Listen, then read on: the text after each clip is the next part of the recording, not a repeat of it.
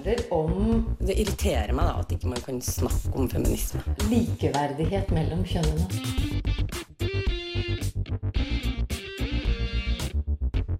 Det blikket på kvinnen på film. handlet om å bli tatt på alvor som jente.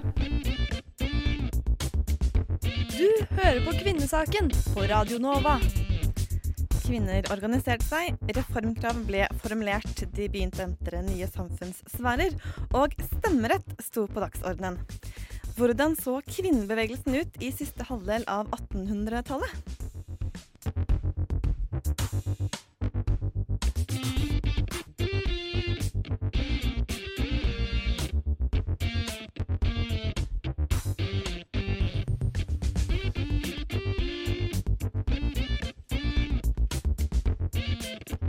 Hører på Kvinnesaken. Det gjør du på Radio Nova. Klokken har akkurat blitt ti. Og de som skal være her den neste, neste timen, det er eh, Lisa Aasbø og Lina Therese Rosenberg. Og vi bare hopper litt ut i det, vi. Ja. Det er altså kvinnebevegelsen siste halvdel av 1800-tallet, fra sånn ca. 1850 og utover, Mm. som er, har vel blitt omtalt som den første bølgen av ja. feminisme. Ja. Siden vi snakker om bølger når det er feminisme som det handler om. ja, ikke sant? Jeg føler det er den bølgen gjerne folk har minst kjennskap til òg.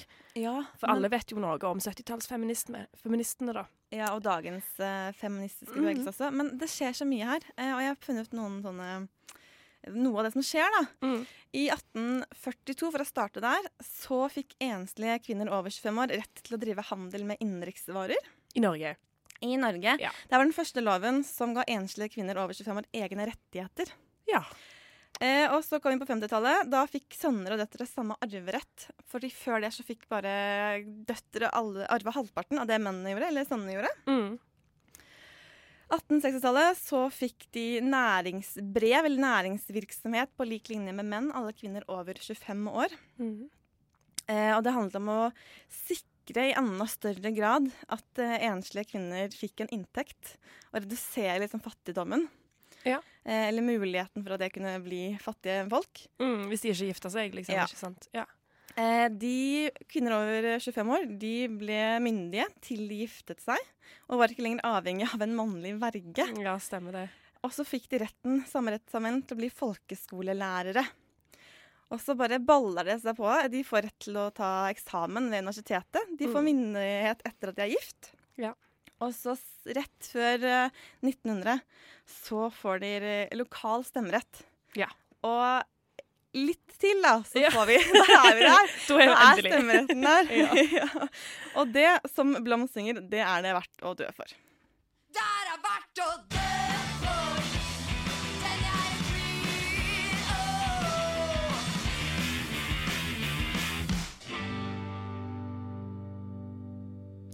Det er verdt å dø for sang Blomst. Aller først er det Kvinnesaken på Radio Nova. Og eh, Eirin Larsen, du har skrevet en bok sammen med to andre om den eh, norske eh, Hva heter den igjen? Norsk likestillingshistorie. Ja, likestilling var det. Det var sånn. 1814 til 2013. Ja.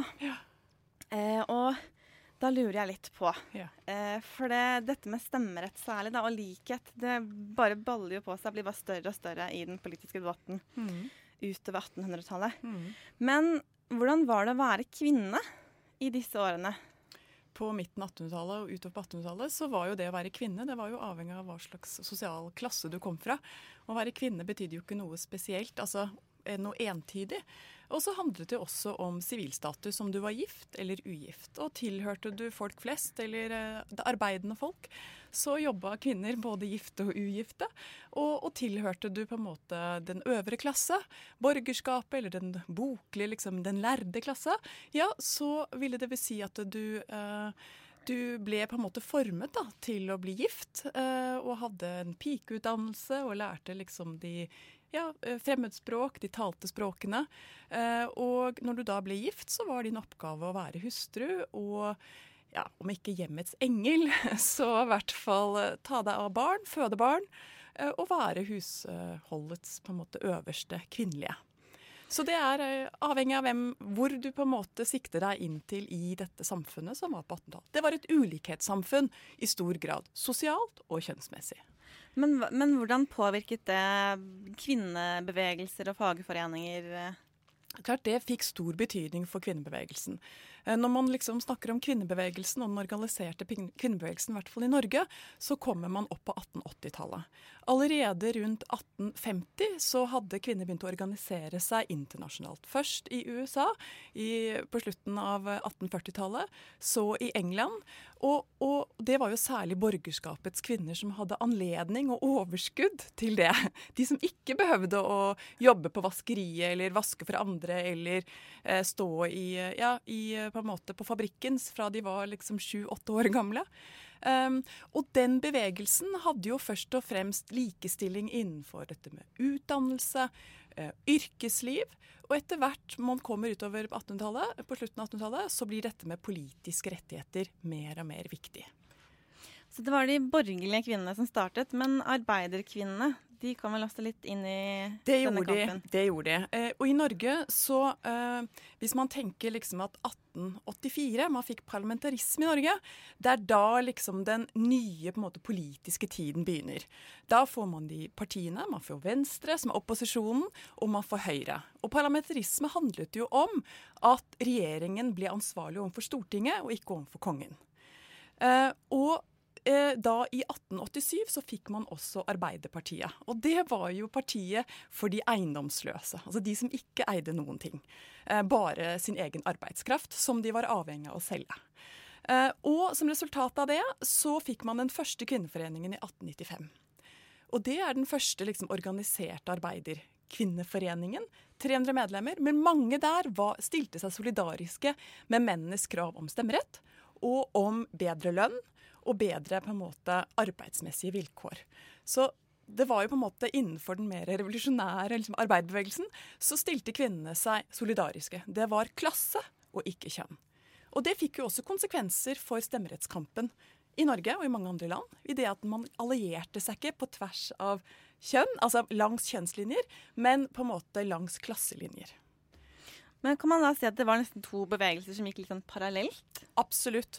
Det må man eh, si. Eh, og, og innenfor arbeiderklassens kvinner så var det jo mange ulike yrkes- og måte, fagforeninger som organiserte seg også. Eh, men når det gjaldt liksom for, for arbeiderkvinnene så var jo det med å ha rett til å arbeide og få en bedre lønn, var jo de fremste kravene. Samtidig så var det jo sånn at de mannlige arbeiderforeningene og eh, på en måte Arbeiderpartiet ikke stilte seg solidarisk overfor kvinnene, dessverre.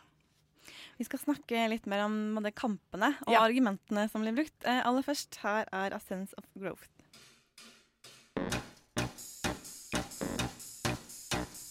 Well, now there was a time when Jessica Janine med 'A Sense of Growth' hørte du her i Kvinnesaken på Radio Nova, som har besøk av Eirin Larsen, som kan eh, litt om dette med 1800-tallet og eh, kvinnekamp og kvinnebevegelser. Og i 1886 så mottok Stortinget de første underskriftene fra kvinnesaksforeningene som ville ha allmenn stemmerett. Hva var, hvem var for, og hvem var mor, eh, mot på Stortinget? Eh, De som var for, var eh, Venstres på en måte menn. De liberale mennene som tilhørte den ja, hva skal jeg si for noe, boklige, på en måte lærde middelklassen. Eh, De var for. Eh, Og de mente at dette handlet om likhet foran loven. At kvinner hadde lik eh, rett til å ha ja, politiske rettigheter akkurat som menn. Um, de som var imot, var jo så klart Høyre. De var prinsipielt mot alle, altså alle former for utvidelse av stemmeretten. For dette var jo en tid hvor heller ikke alle menn hadde stemmerett. Og det må vi på en måte ha i mente. Det var ikke før i 1898 at også alle menn over 25 år fikk muligheter til å stemme. Eh, og før det så var det jo dette med at man enten måtte eie jord, eh, skattbar jord, man måtte ha et embete, eller fra 1884 man måtte ha en inntekt eh, over en viss nivå. Så det var jo å si at det å på en måte stemme, det var bare de som på en måte hadde liksom, ja, noe å, å, å bidra med, som kunne få lov til å stemme. Det var en kontrakt mellom enkeltindividet og staten. Og de eiendomsløse, som verken bestemte, betalte skatt eller som ikke hadde noe særlig å bidra med, de ble ikke hørt. Uh, og det vil jo si at Høyre var mot alt, for alle former for uh, utvidelse av stemmeretten, ikke bare den kvinnelige. Men det var jo ikke før i 1890, da, noen år etter, at dette kom opp i en debatt på Stortinget. Så da første gangen så ble de bare avfeid, og så ble det en stor debatt. Uh, den første på forsommeren i 1890. Men i 1888 så blir det her programfestet i Venstre at kvinner skal få stemmerett. Mhm. Eh, og så går det to-tre år, og så er det allmenn stemmerett for menn som er det viktigste. Hvordan, hvorfor skjer det en sånn vending? Dette handler om partitaktikk. Dette leser vi om på Stortinget hver eneste dag, og det, sånn var det den gang også. Eh, For dem så betydde allmenn stemmerett for menn betydde eh, deres mulighet for å utvide eget maktgrunnlag lå gjennom det, ikke med å gi kvinner stemmerett. Så det vil si at for dem så var det mye viktigere strategisk sett å gå for stemmerett for eh, menn, alle menn. Og det skjedde jo også. Og gjennom allmenn stemmerett så utvidet det sitt, de sitt maktgrunnlag. Eh, Da fikk man jo også Arbeiderpartiet, men det var grunnen. Det var ikke nok å hente eh, for dem gjennom å støtte kvinners stemmerett. Men hva var argumentene for kvinnene som tok denne kampen? Det var alt Det var veldig forskjellige. Noen mente jo at de allerede kvalifiserte på, altså på lik linje med de mennene som da hadde stemmerett eh, rundt 1890. Altså enten at de hadde en eh, skattbar inntekt på så og så mye, eh, men også at de gjennom sin rolle i hjemmet og gjennom moderskapet hadde en betydning for på en måte den framvoksende slekt. Eh, og så var det jo de som mente at dette handlet jo bare om likerett. Altså kvinner og menn er likeverdige. Dette er opplysningstidens på en måte fundamentale ideer. Eh, og derfor så skulle de også tas eh, med i betraktning på det politiske. Andre mente jo på en måte at eh, det var først når kvinnene kom inn at man kunne på en måte få en, en annen type politikk. At kvinner representerte noe som var ja, eh, annerledes. Eh, og det er jo en tanke som på en måte følger med oss i dag også. At eh, kvinner på en måte har andre interesser, andre erfaringer, og dermed eh, former på en måte politikkens innhold i nye retninger. Og det ser vi jo ikke minst gjennom den andre feministiske bevegelsen på 70-tallet, og hvordan det preget norsk politikk, men også andre land, eh, på eh, 80-tallet og 90-tallet. Så er det da Høyre som er mest imot. Ja. Det er der vi finner de første kvinnelige politikerne. Og hvordan på en måte skal man forklare det? Ja. Da må man på en måte gå frem med at i 1898 så får alle menn stemmerett. Um, og da begynner jo på en måte eh, Da er kvinnene allerede ganske lei. da har de på en måte fremmet mange petisjoner til Stortinget og krevd eh, like rettigheter, like politiske rettigheter. Eh, og det man da ser, er at Høyre på en måte plutselig slu, altså snur, liksom gjør en U-turn, rett og slett, og ser at det å fremme begrenset stemmerett, altså stemmerett for bemidlede kvinner, det er en mulighet til å demme opp for dette masseproletariatet. Som gjennom å ikke bidra noe over på en måte skatteseddelen, men likevel har revolusjonerende ideer om hva politikken skal inneholde, det er en stor samfunnsfare. Eh, Så de blir jo da den fremste, på en måte. eh, De er, igjen partitaktikk, og at kvinnene da begrenser stemmerett, det som da kommer i 1901 i Norge, lokalt, og nasjonalt 1907, det er Høyre veldig for. Fordi det er en måte å demme opp og en sånn konservativ garanti i et, uh, i et politisk system som er ganske radikalt, og som er fundet på liksom folkesuverenitetsprinsippet. Det var egentlig bare for å få litt flere konservative Ja. stemmer inn i Ja, og på en måte klare på en måte å, å se, og særlig lokalt, for man tenkte, ikke sant, mange hadde ideer om kommunen som en sånn type politisk eh, fornyer, og ikke minst på velferdsområdet. Og da plutselig få mange ubemidlede menn inn i lokalpolitikken. Altså det, dette måte vil jo ikke føre liksom en, en god økonomi, verken kommunal økonomi eller statsøkonomi. Her var det i ferd med å på en måte, ja, ikke sant, gå på en måte helt galt av sted. Her måtte man drive med sparevirksomhet, og man måtte på en måte sikre verdiene sine. Og det var tanken som, eh, som Høyre hadde.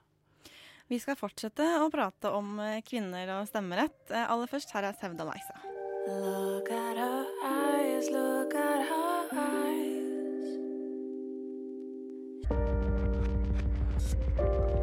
Sevda Leisa hører du her i Kvinnesaken på Radio Nova One Arm Lullaby. Og vi har fremdeles besøk av Eirin Larsen. Og nå har vi snakket litt sånn um, Det var argumenter for og mot, og hva mente kvinnene, og, og litt sånn partistrategi og litt sånne Ja. ting. Men når man hadde da disse to parallelle bevegelser nærmest, Mm. da med, med arbeiderklassekvinnene og Mm. de borgerlige kvinnene, Ja. Var det, eh, sånn- var det et samlet krav om stemmerett? De forsøkte. 17. mai den gangen var jo ikke bare en festdag for barn. Det var en politisk eh, markeringsdag. Man hadde stemmerettstog. Eh, Og den borgerlige eh, kvinnestemmerettsbevegelsen eh, gikk der under paroler. Og den ja, sosialistiske kvinnestemmerettsforeningene, eller bevegelsen, de gikk under egne paroler. Og det ble forsøkt å samarbeide en gang, og jeg, hvis jeg husker riktig, så samarbeidet de en gang, ellers så ble heller ikke det mulig. Så det vil jo si at man på en måte klarte ikke helt å forenes. Eh, og det handlet ikke bare om stemmerett, det handlet jo også om at de kom fra forskjellige virkeligheter. Eh, og, og kravet om f.eks. Uh, utdannelse, eller bare det kravet om arbeid for kvinner, eh, artet seg veldig forskjellig. om du jobba på fabrikken, eller skurta, eller eh, strøyk, eller om du på en måte ja, ønsket å ta eksamen artium og begynne på universitetet, og håpet om å få en høyere embetsstilling, selv om kvinner da egentlig ikke kom inn og kunne være embetsmenn før i 1912. Men er det noe som var annerledes enn f.eks. i Sverige? Var det mer samarbeid på tvers av klasser der? Det var det faktisk, og grunnen til det var jo det at det var et mye mer skal vi si for noe stans Altså, de hadde ikke parlamentarisme før rundt 1910. Eh, og det vil jo si at man ikke hadde et moderne liksom, partivesen. Eh, og som resultat av det så fikk på en måte også menn, alle menn fikk stemmerett. Og det betydde jo da at kvinnene var ekskludert bare på pga. sitt kjønn. Og det gjorde at de i større grad forenet seg. Det tok jo lang tid eh, før de fikk stemmerett, eh, og det faktisk lengst tid, eh, 1921, i, i Sverige. Eh, og det er de landene altså, i Norden som, som kom senest ut. Så det begynte i, i Finland 1907, eh, og da i Norge 1901, 1907, 1913. Alle kvinner over 25 år, uavhengig av inntekt. Eh, og så var det Danmark 1915, og da Sverige 1921. Og så skriver du at dette med kvinnestemmerett det var et bevis på nasjonalt fremskritt Ja. og dette selvstendighet og demokrati. Mm. Vil du si litt om akkurat det? Ja, for hvis man ser på de landene som først innførte stemmerett i, i verden, så er det ofte de skal vi si for noe, i utkanten, i utkantstrøk. Eh, det er liksom New Zealand, det er Australia, det er Finland, det er Norge. Eh, og dette var jo Altså, hva var felles for disse landene? Jo, de var liksom eh, fremskridende nye demokratier. Norge var jo under Sverige en personalunion til 1905. Vi hadde egen innenrikspolitikk, vi hadde felles utenrikspolitikk. Eh, og utover på 1800-tallet, og særlig fra 1884, da, hvor vi fikk parlamentarismen, så var det enormt trøkk på en økende på en måte selvstendighet. og en nasjonalistisk bevegelse. Og i det da, så, så var det jo på en måte en, en økende betydning også fremstå som moderne. Og Australia, som innførte stemmerett for kvinner i 1902, de gjorde det jo som et ledd i en sånn nasjonal uavhengighetskamp. Eh, og viste egentlig og satt og på en måte pekte nese til de der oppe i London at se så fremadstormende vi er. Vi gir selv kvinner stemmerett. Eh, og så handlet det jo også om at sant, i Australia så var det jo på en måte De var jo eh, Det var en kolonial eh, på en måte et land hvor man hadde ja, egentlig tatt seg til rette. Mellom, altså blant eh, folk som hadde bodd der i mange eh, millioner år, på en måte. Aboriginerne. Eh, og dette med å inkludere kvinnene ble også en veldig viktig del med å ekskludere aboriginerne. Altså de som hadde en de som egentlig kom derfra. Og det ser man fellestrekk i andre land også. Eh, så, så at det handlet om å, å gjøre seg mer moderne, men også på en måte mobilisere de menneskene som på en måte man eh, forestilte seg var en naturlig del av dette moderne nasjonalstaten. Og der var kvinnene veldig, veldig viktig. Det var de som på en måte var eh, ja, eh, nasjonalstatens mødre. Så det å ekskludere dem var på en måte vanskeligere og vanskeligere. De var også en viktig del av det bildet som ble skapt. Og gjennom det så holdt man jo også andre utenfor. Som ikke delte de ytre karakteristikkene som det vil være å være en australer, f.eks. Så det var en sånn ånd som gikk sånn i utkanten om at nå, nå skal vi hevde oss litt, egentlig, Ja. og inkludere kvinnene. Og det sa man jo også i Norge, at man nesten kan tenke på det som sånn markedsføring og branding. Altså sånn, her på en måte, det, det, det er lurt for oss å fremstå som moderne. Og det er lurt å på en måte gi kvinnene stemmerett, fordi det kan hevde oss vår plass i den siviliserte verden. Og det sa man også på Stortinget i 1890. Venstre. Tusen takk, Eirin Larsen, for at du kom hit til Kvinnesaken. Tenk på da vi gikk i demonstrasjonstog, og Ingrid på seks år gikk med plakat hvor det sto 'Jeg vil bli statsminister'. Og alle mennesker lo langs ruta for at en jente skulle kunne bli statsminister. Du hører på Kvinnesaken på Radio Nova. Å kunne bevege seg fritt på gaten det har lenge vært et tema i kvinnesaken, også for eh, forfatteren Camilla Collett på 1800-tallet, som i flere reisebrev skrev om kvinners rett til å innta fortauet. Camilla Collett reiste etter sin manns død ut i verden. Som enkefrue og vagabond levde hun gjennom nærmere 40 år et liv på pensjonater og gaterestauranter i Europas store byer, Paris, Berlin, København og Roma. Herfra skrev hun reisebrev hjem til Norge. Og det viktigste for den reisende og skrivende kvinnen er å kunne observere folkelivet. Og for å kunne observere folkelivet er det viktigste av alt å kunne gå fritt omkring i byens gater.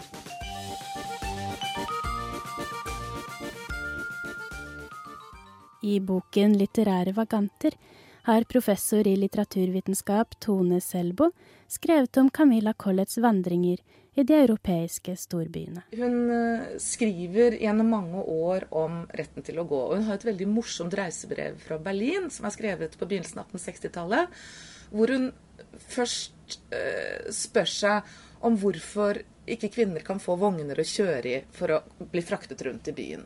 Og midt i denne argumentasjonen, hvor hun sammenligner da Berlin med Kristiania, og alt er bra bedre i Berlin, og negativt i Kristiania, så snur hun så å si, og så sier hun nei, vi må gå. De kvinner som sitter i sine kareer, altså sine vogner, de kjeder seg til døde. Jo, vi vil gå. Vi vil gå allikevel. Vi må gå. De kvinner der alltid sitter i sine kareter, kjeder seg til døde. De tider er forbi, da kvinnen var for mannen kun en luksusgjenstand. Halvt et kostbart leketøy, halvt en gudinne der skulle tilbedes. De har selv støtt oss ned på handlingens skueplass, hvor vi må arbeide, erverve, stride og tumle oss med ett ord. Vi må gå. Det å kunne gå, hun er det er for Camilla Collett mer et bilde på selvstendighet. Jeg tror ikke, Det er ingenting som tyder på at hun er forferdelig opptatt av akkurat det å gå. Men det handler om å kunne bevege seg fritt, og det er igjen et bilde på selvstendighet. Så når hun sier at 'vi må gå', så handler jo det om at kvinnene skal ta del i livet. ikke sant? De skal ut i det aktive liv og ta del på lik linje med mennene. Og da blir det å gå et veldig kraftfullt bilde på selvstendighet. For Camilla Collett er retten til å bevege seg fritt det samme som retten til å være. For det er ikke gitt at byens gater tilhører kvinnene. Tvert imot, kvinnen som går på gaten, det er jo de prostituerte. Kvinner som befinner seg på kafeer og på utesteder, det er varietépiker. Og den arbeidende kvinne, som er på vei hjem fra systuen om kvelden, må kanskje finne seg i å bli behandlet deretter, når hun er så uforsiktig og slentrer gatelangs etter mørkets frambrudd. Visstnok er de middelalderlige tilstandene der for et par desennier siden rådede i vår by, tilbakelagte. Den anstendige dame turde den gang ikke røre seg ut av sitt hus i tussmørket eller om aftenen uten at utsette seg for nærgående fornærmelser. Når hun ikke eide tjener eller ekvipasje, var hun etter et visst klokkeslett fordømt til at være fange i sitt eget hus. Datidens uh, Oslo var jo et ifølge Camilla Collett, og det er sikkert ikke spesielt eh, kontroversielt, var jo et sted hvor kvinnene ikke hadde noen stor plass i det offentlige rom. Og hennes poeng er rett og slett eh, rett og slett hva skal jeg si, et sånn dannelsespoeng. Altså Hun vil oppdra nordmennene til å oppføre seg bedre. Og, og hele poenget er at et folk som ikke kan behandle sine kvinner ordentlig, et folk som ikke lar kvinnene gå i fred på gata, har ingen rett til å kalle seg et folk. Med reisebrevene vil hun altså oppdra denne unge, selvstendige nasjonen til dannelse og gode manerer. For her mangler kvinnene fremdeles den fullstendige retten til fortauet. Selv om kvinnesakskvinnene har sørget for at vilkårene for å kunne arbeide og leve et selvstendig liv er bedre enn de var tidligere. Hun går altså alene nå, uten frykt. Og dog vil hun i det sjeldneste tilfellet unngå at Tage en følelse med seg hjem, som om hun idelig hadde hatt lumske takdrypp at vare seg imot. Ingen har stanset henne, ingen vovet å tiltale henne. Kun er hun blevet minnet om at hun gikk alene. En stirren, en langsommere gang, et kvalt brum som en spyflues under et glass, er nok til at vekke denne fornemmelse, til at erindre henne om at her mangler denne kvinneaktelsens solidaritet, denne usynlige beskyttelse der ligger i et helt folks bevissthet om, erkjennelse av, hva dets kvinner er for det. Hun ser nok kvinnene som en slags sånn åndelig overlegen del av befolkningen. Eh, Så hun har et type, hva skal man si, romantisk, ideelt blikk på kvinnene som åndelig overlegne. Hun er opptatt av rettigheter, men hun tar ikke selv del i den, eh, den rettighetskampen som jo også kommer sterkere på slutten av 1800-tallet. Når en del av de endringene inntreffer både i litteraturen, altså med den generasjonen som kommer etter henne, Kielland og Ibsen ikke minst, og, og hun begynner å se representasjoner av kvinner på en annen måte i litteraturen, så er på en måte hennes tid forbi. Hennes, hennes posisjon er protesten, opprøret. Hun som står liksom litt på siden og protesterer. Og derfra, som en protesterende stemme fra sidelinjen, kommer budskapet om at også kvinner må kunne spasere gatelangs på mørke kvelder uten å kjenne tilfeldige drypp fra byens hustak som prikker dem ubehagelig i nakken. Torunn Rasmussen fra tekstbehandlingsprogrammet hadde snakket med professor Tone Selbo om Camilla Collett og hennes kamp om kvinners rett til å bevege seg fritt ute i gatene.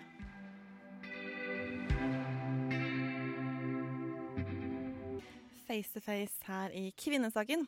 For helgen så kom filmen 'Suffragette', filmen om de britiske kvinnenes kamp for eh, stemmerett. We shall cut into the heart of communications. My job is to enforce the law. It all means nothing to me. I've had no say in making the law. We have reached a state of anarchy we can no longer ignore. Punish those responsible in whatever way you can.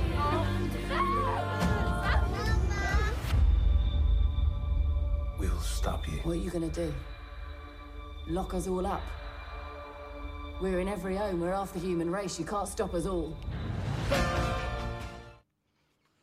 Man hører jo litt at det er litt sånn konservative krefter som, uh, som Ja, kjemper imot. Absolutt. Uh, jeg var og så filmen uh, på lørdag. Som, eh, og denne filmen handler jo da om, som du sa, de britiske kvinnenes kamp for stemmerett. Suffragettene, eller suffragettene, som man også kan kalle de. Um, og jeg kan si at jeg har aldri vært så forbanna når jeg har sett en film før. Det var på en måte sånn skikkelig skikkelig sånn sinne som bare var i hele kroppen. Sånn typ når du begynner å skjelve. Ordentlig, ordentlig ordentlig forbanna på enkelte av de scenene der. Uh, samtidig som det òg bare var følelser på en måte av uh, takknemlighet og uh, Altså, ble utrolig inspirert, da, på en måte. Eh, for man hører jo veldig mye at det, Veldig ofte sånn i historie, historietimene på, på skolen og sånn, når man eh, ble undervist i dette her, at eh, ja, de hadde det drit før, og de kjempa veldig hardt. Men når man på en måte får se det i forbindelse med en historie, filmatisert og visuelt, og man på en måte får et forhold til de kvinnene eh, på en måte, da, eh, så blir det mer ekte, og det blir veldig sånn shit. Herregud, de, de, de kjempa faktisk sykt hardt, og de ble faktisk behandla skikkelig, skikkelig dritt.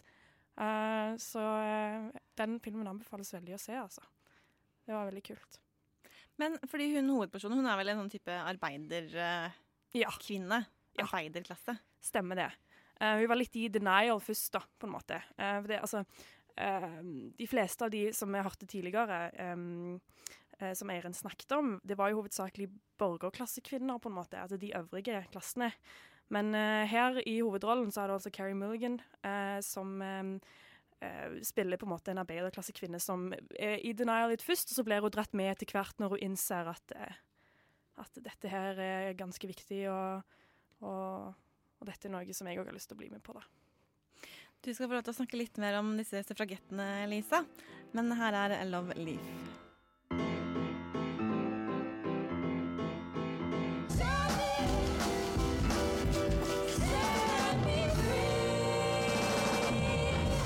Og akkurat den siste linja, det var det Love Leaves som uh, sang. Set Me Free. Ja. Passende tittel. Ja, ikke sant? Det, er- vi snakker altså om eh, de britiske kvinnes kamp for stemmerett eh, på slutten av 1800-tallet og på begynnelsen av 1900-tallet. Eh, og i 1897 så ble uh, The National Union of Women's Suffrage Societies ble grunnlagt uh, i- ja, i, 1897. Eh, av liksom, da samler de på en måte et utvalg av lokale stemmerettsforeninger. Da. Og det ble grunnlagt av Millicent Fawcett, som mente at en fredelig kamp var liksom veien å gå, da. At det var dette som ville funke. Men så var jo ikke dette her så veldig effektivt, da. Så uh, Emmeline Pankhurst, som er et ganske kjent navn, som blir også spilt av Meryl Streep i Suffragette-filmen, uh, hun grunnla altså da Women's Social and Political Union i 1903, som kan betegnes som en mer radikal og militant eh, på en måte forening eller bevegelse, da, som hadde sivil ulydighet som fremste virkemiddel, hvis man kan si det. Da. Det var på en måte, altså Deres motto var 'deeds, not words', så kan oversettes til handling og ikke ord. Eh, og et argument liksom, som de gjerne brukte, var at det var liksom, det eneste språket som en snakket, det var jo bare krig, liksom. Suffragettene er faktisk de eneste i Storbritannias historie som har på en måte fått fram og lykkes med sitt budskap da, med bruk av vold. Det er ganske utrolig, egentlig. Ja, det er det. Så ja, altså Denne generasjonen var jo den første generasjonen som hadde mulighet til universitetsutdanning. Og det var òg, som jeg sa tidligere, kvinner på en måte fra hovedsakelig de øverste klassene. Men det var òg kvinner fra alle yrkesgrupper, og til slutt så ble jo òg arbeiderkvinnene med òg, da. De var Um, litt mer sånn samlet. Eller etter ja, hvert, i hvert fall. ja, Vi får iallfall fått inntrykk av det, da.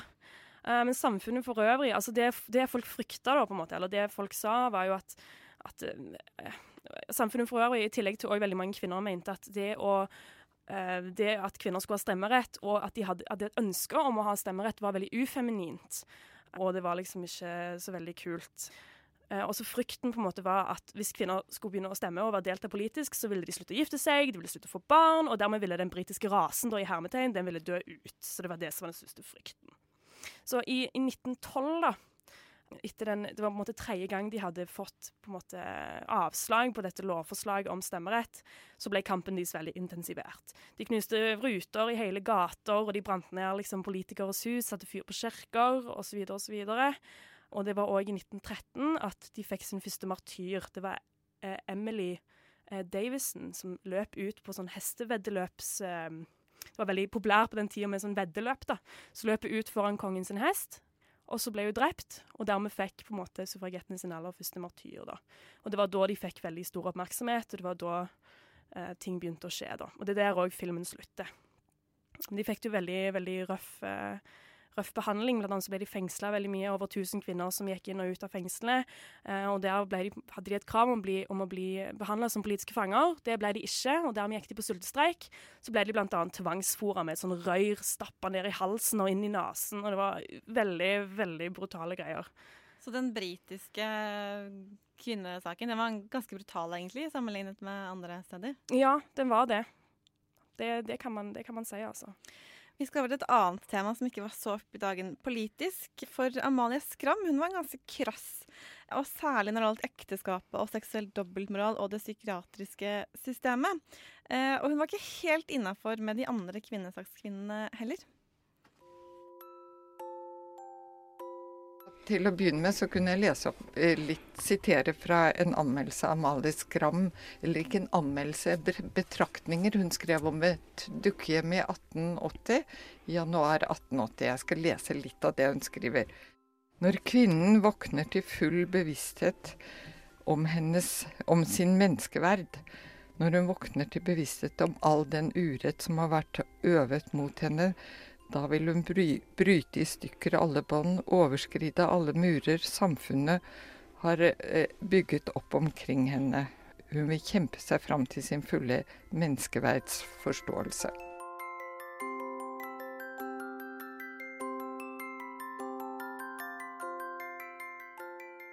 Hvis vi zoomer litt eh, ut igjen, kan du liksom kort fortelle hvem, hvem var egentlig Amalie Skram?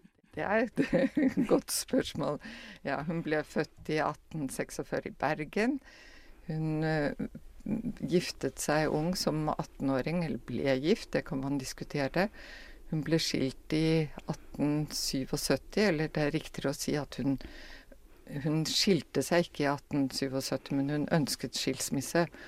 Og det førte til et eh, Hun ble liksom hindret i det, og det førte til et sammenbrudd, så hun ble innlagt på Gaustad asyl i Oslo, eller i Kristiania den gangen. Og så reiste hun ikke tilbake til mannen sin, eh, og hun fikk skilsmisse litt senere. Og etablerte seg da etter hvert i en sånn radikal krets etter hvert i Kristiania. Og så møtte hun eh, Erik Skram, som var en ganske kjent forfatter og skribent i Danmark, dansk. Og så giftet de seg i 84, hvis jeg ikke husker feil. Og da debuterte hun i 85 med Constance Ring, og så skrev hun til sammen omtrent 20 bøker før hun døde i 1905, 58 år gammel. Ikke så gammel, altså. Amalie Skram skrev ikke om kvinnesak i debattinnlegg, men fra ulike perspektiver så skriver hun seg likevel inn i samtidens kvinnedebatter gjennom romanene sine. Først skrev hun fire ekteskapsromaner. Constance Ring kan f.eks. nevnes her. De her de handler om kvinneundertrykkelse og har et kritisk blikk på ekteskapet og seksuell dobbeltmoral. Siden så skrev hun Hellemyrsfolket, som er et stort verk i fire bind. og Det er hun kanskje aller mest kjent for. I kvinneforskningssammenheng så er hun også kjent for to romaner som er ganske selvbiografiske, og de her handler om opphold på psykiatriske klinikker i Danmark. Men det her eh, debattklimaet som Amalie Skram eh, skrev seg inn i, mm. hvordan var det i Norge på den tida her? Ja, du tenker særlig på kvinne, Ja, kvinnespørsmålet? Jo, det var jo altså mm, De viktigste figurene der, var, eller viktige figurer i hvert fall, var jo Gina Krog, som ble redaktør for det første kvinnetidsskriftet, Nylende, som jeg nevnte så vidt i stad, og eh, Ragna Nilsen. Og de skrev jo anmeldelser i, disse, i dette tidsskriftet, men også altså, mer agitasjonsartikler eh, om kvinnefrigjøring. Og Amalie Skram, altså, som sagt, de var skeptiske til Amalie Skram i den forstand. De, de, syns, de hadde et annet litteratursyn, rett og slett. Var hun for radikal, på en måte? Kan man si det? Jeg vet ikke om det var det. Jeg tror det først og fremst faktisk var at hun ikke hadde noe optimistisk linje i de bøkene. Altså de, de ekteskapsromanene i seg endte jo med død. Selvmord i, noe, i den første av dem. Og eh, kvinnebevegelsen ønsket seg positive kvinnelige forbilder. Det var ingen, ingen som hadde lyst til å identifisere seg med denne skikkelsen Constance Ring. Og det er jo ikke så rart, da. Og de så ikke eh, Altså, de eh, ville nok ha sans for den kritikken Amalie Skram kom med av ekteskap og dobbelt, særlig den seksuelle dobbeltmoralen. Selv om kvinnebevegelsen på Skrams tid ønsket seg mer positive kvinnekarakterer, og syntes at Skrams naturalistiske stil var litt for brutal, så har kvinnebevegelsen i seinere tid via henne en del oppmerksomhet. Med den andre feministiske bølgen på 70-tallet så fikk hun en slags revolusjon. Altså, hun, jo, hun har jo vært lest hele tiden siden hun begynte å skrive. Men i litteraturhistorien så har det vært Hellemyrsfolket som har vært framhevet så veldig sterkt. Og så på 19, ja, 60, slutten av 60-tallet, kan vi vel si egentlig, av 70-tallet, så ble også disse romanene som ble kalt sinnssykehusromanene, oppdaget, kan du si, gjenoppdaget. De var jo nesten ikke nevnt i, i litteraturhistoriene. Og de ble, eh, altså, de ble verdsatt på en ny måte. Ut fra kanskje også inspirasjon fra 60-tallets antipsykiatriske altså bevegelser, kritikk av, av den autoritære psykiatrien. Og også ble eh, ekteskapsromanene gjenoppdaget. Jeg var selv med å utgi Konstanse Ring på Pax forlag og skrev et, et forord eller etterord, jeg husker ikke hva det var, eh, på det. Og, og, det ble veldig lagt merke til. Det ble anmeldt i Informasjon i Danmark og, og trukket fram som, ja, som en nyoppdagelse på mange måter. Og så gikk det slag i slag med interesse for henne. Alle ekteskapsromanene ble etter hvert gjenutgitt. Og så etter hvert uh, så kom jo en nyutgave av samlede verker, og så senere på 90-tallet en til.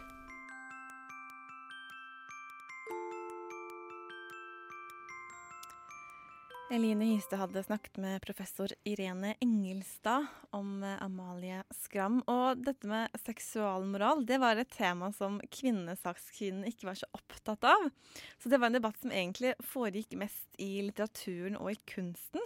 Fordi kvinnesakskvinnene de var mer opptatt av økonomisk, sosial og politisk likestilling. Mm. Men eh, Bjørnstjerne Bjørnson han skrev i 1883 et drama som het En hanske. Og dette satte i gang en stor debatt, både, eller egentlig hele Skandinavia, om dette med, med dobbeltmoralen. For det var én moral for kvinner. Hun skulle være tro mot sin mann, hun skulle være jomfru da hun giftet seg. Mm. Mens mannen han kunne egentlig ha seg med både arbeidersker og prostituerte før og etter at han giftet seg. Det var helt i orden. Mm. Så han fordømte da mannens rett til sex før ekteskapet. For han mente ja. at det her var eh, ja, det var en lik moralsk rett da, for både kvinner og menn. Og det her ble da et diskusjonsmøte noen år etterpå på Studentersamfunnet. Mm. Hvor det ble sagt at det var usunt for mannens sjel og legeme å være avholden. Oh. Og en gynekolog og lege han klarte å si det at eh, svært få kvinner hadde en seksualdrift. Så det at man skulle ha lik seksualmoral for kvinner og menn, det var bare tøv. Ja, ja. Det var helt unødvendig. Mm. Det som eh, det her førte til, det var at eh, Ragna Nilsen hun var formann i Kvinnesaksforeningen. Hun hadde lyst til å få til et protestmøte. Mm. Eh, okay. Og det gikk ikke. Fordi kvinnene var litt De var redd for å bli latterliggjort, rett og slett. Ja. Av mennene. Som, når de ble så fordømt seksuelt, egentlig. Mm. Og det at det her var egentlig ikke det viktigste. Eh, det var, de var sikkert enige med at det her var helt forkastelig, men det var ikke der striden skulle stå. Mm. Men det førte faktisk til at uh, hele debatten at ordet kvinnesakskvinne det ble et mer negativt ladet ord. Ja. Eh, rett og slett pga. denne striden mellom, eh, som handlet om seksualmoral. Da. Mm. Eh, og som er gjennomgående i veldig mange norske litteraturromaner fra 1800-tallet. Eh, og Ibsen har jo noe av det samme i sine dramaer også. Mm. Nettopp dette med kjærlighet mellom mann og kvinner. Nora går jo for hun setter spørsmålstegn ved hva er egentlig kjærlighet i et ekteskap. Mm. Så her er litteraturens eh, Den store debatten i litteraturen og kunsten, det er da eh, egentlig kjærlighet mellom mann og kvinne. Og den moralske fordømmelsen da, av eh, kvinner som ikke holder seg til den rette stien. Ja. ja. Herre min, altså. ja. Bitte litt oppgitt. ja. Det er litt sånn Come on, som The Softback synger her. Ja.